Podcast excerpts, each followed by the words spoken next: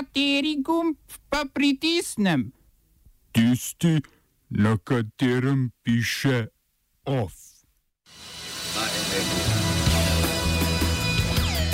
Nemčija za pol leta podaljšala prepoved izvoza orožja v Saudovo Arabijo.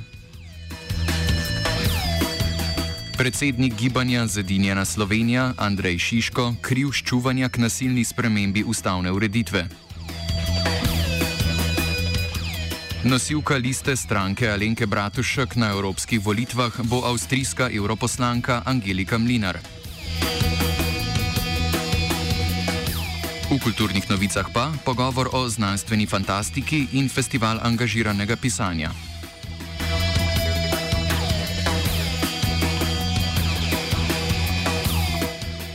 Nemčija je še za šest mesecev do 30. septembra podaljšala prepoved izvažanja orožja v Saudovo Arabijo.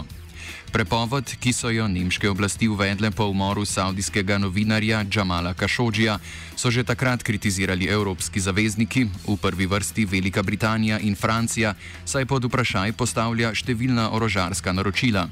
Med drugim 11 milijard evrov in pol vreden posel 48 letal modela Eurofighter Typhoon ter prodajo skupne proizvedene opreme tudi z nemškimi komponentami.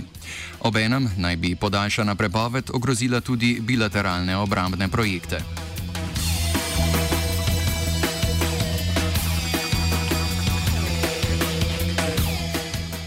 V kanadski provinci Quebec je vladna stranka Koalicija za prihodnost Quebeca predstavila osnutek zakona, ki javnim uslužbencem na delovnem mestu prepoveduje nošenje verskih simbolov. Tako bo denimo prepovedano nositi hijab ali druga naglavna pokrivala, kot je naprimer judovska kipa, prepoved pa zajema tudi nošenje križa. Zakon cilja predvsem na uslužbence, ki so na položaju moči, torej policiste, sodnike in učitelje, medtem ko za trenutne vladne uslužbence in državne uradnike predvideva izjemo. Kanadski premijer Justin Trudeau je v odzivu dejal, da je, citiramo, nepredstavljivo, da bi v svobodni družbi legitimizirali diskriminacijo državljanov na podlagi verske pripadnosti. Konec citata. Vlada v Quebecu je sicer že leta 2017 sprejela zakonodajo, ki vsem, ki nudijo ali koristijo javne storitve, prepoveduje popolno zakrivanje obraza, vendar je lanskega junija sodišče do nadaljnega zaustavilo njeno izvrševanje.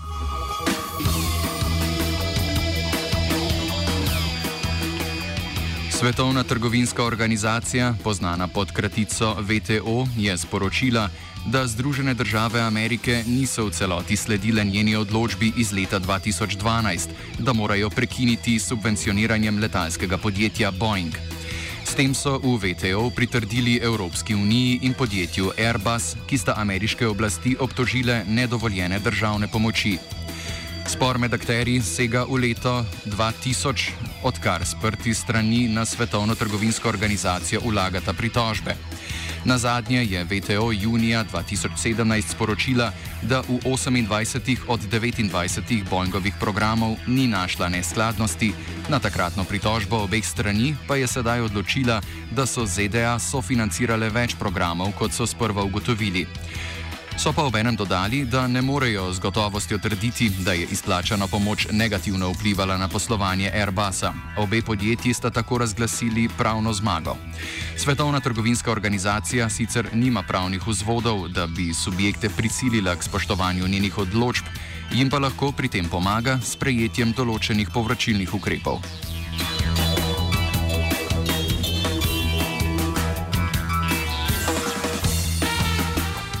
Podjetje Google je s kubanskim operaterjem Etexa podpisalo memorandum o sodelovanju, s katerim bi na Kubi omogočili boljši in hitrejši dostop do svetovnega spleta, kar je ena izmed političnih zavez predsednika Mihuela Diaza Canela. Trenutno je dostop do svetovnega spleta v veliki meri odvisen od podvodnih kablov in optičnih vlaken povezanih z Venezuelo, povezava pa je pogosto preobremenjena in posledično počasna.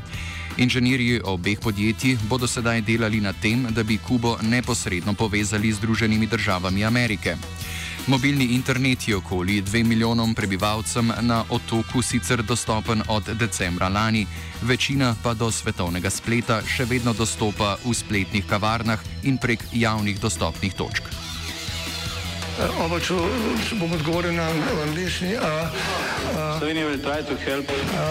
We can Slovenija will and we will do our utmost. To say that the situation is our problem ourselves. and uh, We will Make further steps as soon as the conditions are. bomo vlado Marjana Cererja, Mira, eh, Marjana Cererja Šarca podprli. uh, very, very serious.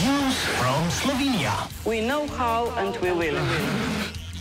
Mariborsko okrožno sodišče je predsednika gibanja Zedinjena Slovenija in poveljnika Štajerske varde Andreja Šiška spoznalo za krivega k ščuvanju k nasilni spremembi ustavne ureditve. Sodnica Varja Vardel Kokol je Šišku izrekla 8-mesečno zaporno kazen, so obtoženemu Mateju Lesjaku pa zaradi pomoči pri omenjenem kaznivem dejanju pogojno kazen treh mesecev zapora s preizkusno dobo enega leta. Poleg izreka, ki sicer še ni pravnomočen, je sodnica odredila izpustitev Šiška iz pripora, v katerem je na koncu tudi prostovoljno preživel več kot pol leta. Več o precedenčnem sodnem primeru in domnevnem priznanju ustanovitve države Štajerske v kultivatorju ob 17. uri.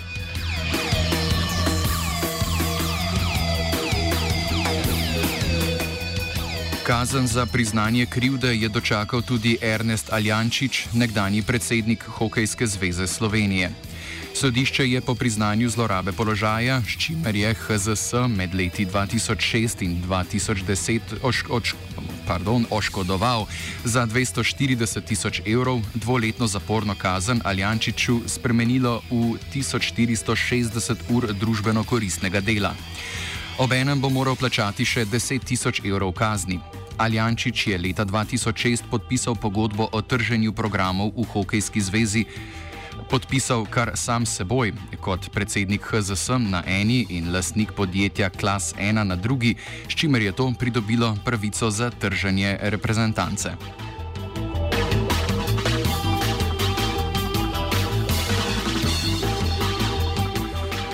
Stranka Alenke Bratušek, krajše SAB, je pred prihajajočimi volitvami v Evropski parlament predstavila svojo listo kandidatov. Nosilka liste bo trenutna avstrijska europoslanka in podpredsednica Zavezništva liberalcev in demokratov Angelika Mlinar. Drugi na listi bo generalni sekretar SAB Jrnej Pavlič, tretja pa državna sekretarka v Uradu za slovence v zamejstvu Olga Belec.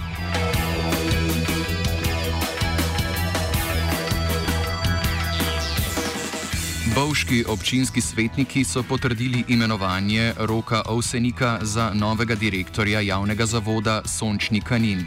Prednostne naloge Ovsenika predstavi predsednik sveta omenjenega zavoda Miha Sotlar, ki razloži tudi, kaj prinaša njegovo imenovanje. Torej, v prvi vrsti vsekakor prinaša nov veter v javni zavod. Eh, Mi smo dolgo časa iskali novega direktorja.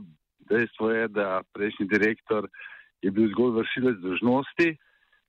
Njegove prednostne naloge so seveda kadrovska reorganizacija. Eh, Vi verjetno veste, da zdaj preoblikujemo javni zavod v družbo z omejeno odgovornostjo, se pravi potem nova sistemizacija, nova notranja organizacija dela in pa seveda nov sistem nagrajevanja. To je, kar zadeva pravzaprav notranjo regulativo zdajšnjega zavoda in bodoče družbe z omejeno odgovornostjo. Na vzven pa seveda bistveno večji podarek na marketingu, na komercijali, morda reorganizacija gostinstva, skratka vse tiste segmente, za katere se nam zdi, da bi lahko funkcionirali in delovali bolje.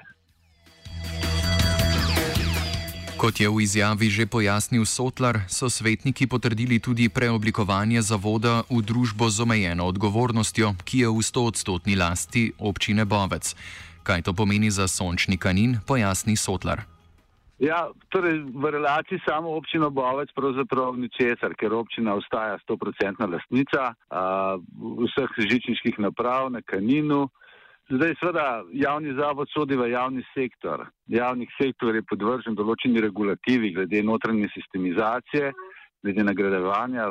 Verjetno veste, da obstaja zakon o sistemu plač v javnem sektorju, določene kolektivne pogodbe, ki omejujejo pravzaprav, uh, da bi predelili pa da bi ustvarili takšno notranjo organizacijo, ki bi bila najbolj funkcionalna.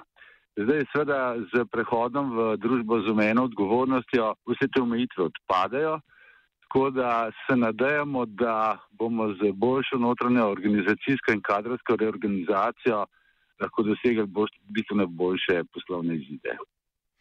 OF je pripravil žiga, sledijo kulturne novice.